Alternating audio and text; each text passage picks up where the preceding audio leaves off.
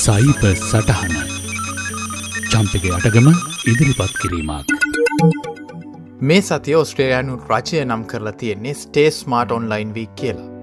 ඔක්තෝම්බර් හත සිට ඔක්තෝම්බර් දහතුන දක්වා රටපුරාවට අන්තර්ජාල ආරක්ෂණය එකැනෙ සයිබ සෙකවිටි සම්බන්ධයෙන් ඉතා විශාල ලෙස දැනුවත් කිරීම් දියත් වෙනවා මෙහි අංගයක් විදියට.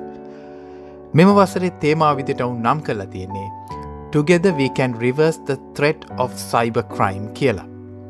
ඇයි together කියලා කියන්න.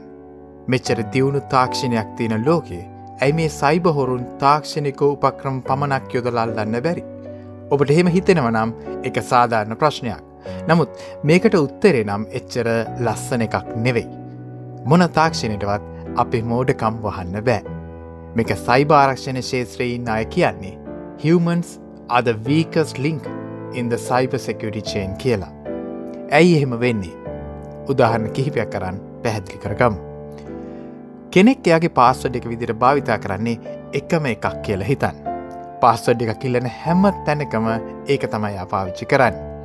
එකම පාස්වඩ් එක භාවිතා කරනවට අමතරව එයා ඉතාම පහසුවෙන් ක්‍රියාත්ම කරන්න පුළුවන්. 2ෆෙක්ට ඔතෙන්ටිකේෂන් භාවිතා කරන්නෙත් නැහැ. එකැනෙ ඔබේ ඊමේල් බැංකු සමාජ්‍යාල වැනි ඉතා වැදගත් ගෙනුම්වලට අලුත් තැනකින් ලොග් වෙද්දී දුරකතරයට එන කේතයක් කරා ඒ ඔබමයි කියල සහතික් කරගන්න ක්‍රමවේදයක්. ඉතින් මෙය භාවිතා නොකර එකම සරල පාසඩ්ඩිකක් හැම තැනකම පාවිච්චි කරන කෙනෙක්. එයාගේ නොදැනුවත්කමෙන් ඒ පාසඩ් එක සයිබහොරෙක් අතට දුන්නොත්. ඔහුගේ සියලුම ගිනුම් සයිබහොරාට නතුවෙනවා. එතනි තාක්ෂණයට ඔහුව බේරගන්න බැහැ.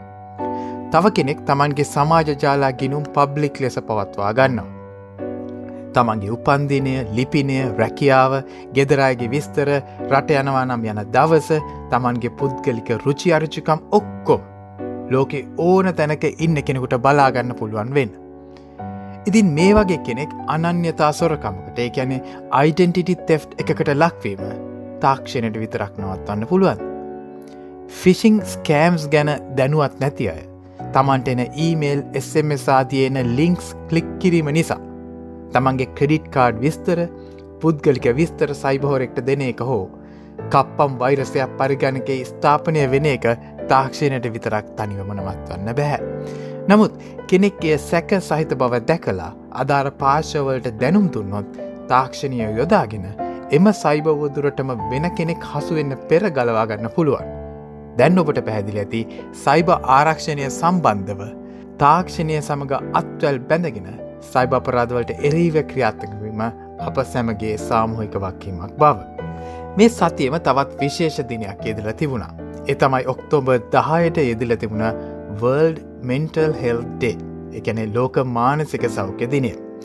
කෙලින්ම එකට සම්බන්ධ බවක් නොපෙනුනත් සයිභාවකාශය සහ මානසික සෞඛ්‍ය අතර දැන් දැන් වැඩි මුහුවක් පේන්න තියෙනවා.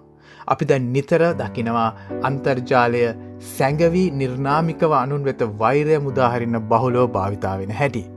සයිවබුලින් දරාගත නොහැකිය සියදිවි නසා ගැනීම් නිරන්තරයෙන් වාර්තා වෙනවා. සංවිධානාත්මකව ඔන්ලයින් හේට් කැම්පේෙන් සරහා විරුද්ධවාදීන් මානසිකව කඩාවට්ට වන අවස්ථා සමාජ්‍යාල හරහා ඔබත් දැක ඇති. එනිසා එවිනි බියගුළු ප්‍රහාර අන්තර්ජාලය ඔබ වෙත එල්ල වෙනවා නම් ඒ අයගේ නෑත්වෙන්න.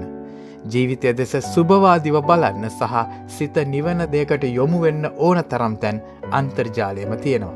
වෙන කෙනෙක් ඔන්ලයින් හේට්වලට ගොදුරෙනවා දකිනවා නම් ඒ අයටත් මේ පනිවිටය දෙන්න.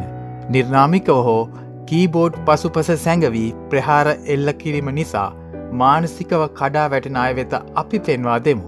සයිභවකාශය තුළත් ඉන් පිටතත් තවමත් මනුස්සකම ජීවත් වෙන වග. අදත් ඔබට සයිබ සටහනගෙන මම චම්පික යටකම්.